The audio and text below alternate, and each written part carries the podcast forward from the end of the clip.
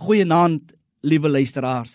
Vanaand se tema Jesus Christus, ons enigste troos, kom uit 1 Petrus 4 vers 12 tot 14. Luisteraars, die uitdagings vir Christene om anders te wees, om Christus se waardes en deugde uit te leef, om die helende lewensvernuwende krag van die kruis en opstanding in elke opsig in te dra word by die dag groter en dringender. As Christene word ons ten nouste met die naam van Christus geassosieer. Ons is deur God geroep, gered, geseën en daarom geroep om God se seën, sy heil, sy genesing, sy hoop met 'n siek wêreld te deel.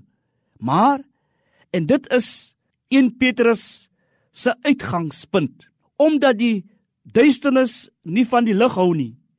En omdat mense natuurlike wys die duisternis liewer het as die lig moet ons noodwendig teenkanting en stryd te wag te wees. Die wêreld het immers vir Christus voor ons gehad. Daarom kon hy sy disippels betyds voorberei op wat op hulle sou wag.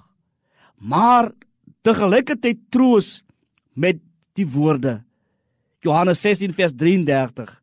In die wêreld sal julle dit moeilik hê, maar hou goeie moed, ek het die wêreld klaar oorwin. Die probleem waarmee hier aan die orde gestel word, het natuurlik nie maklike antwoord nie.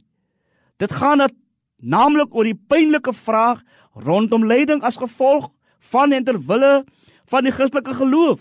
As 'n mens al die destruktiewe mag van lyding in jou lewe ervaar, val veral die gedagte in vers 13 van 1 Petrus 4 vreemd op. Die skrywer van die 1 Petrus brief probeer egter nie hierdie kontras versag nie. Vir hom is dit 'n uitgemaakte saak dat lyding weslik deel is van Christendom.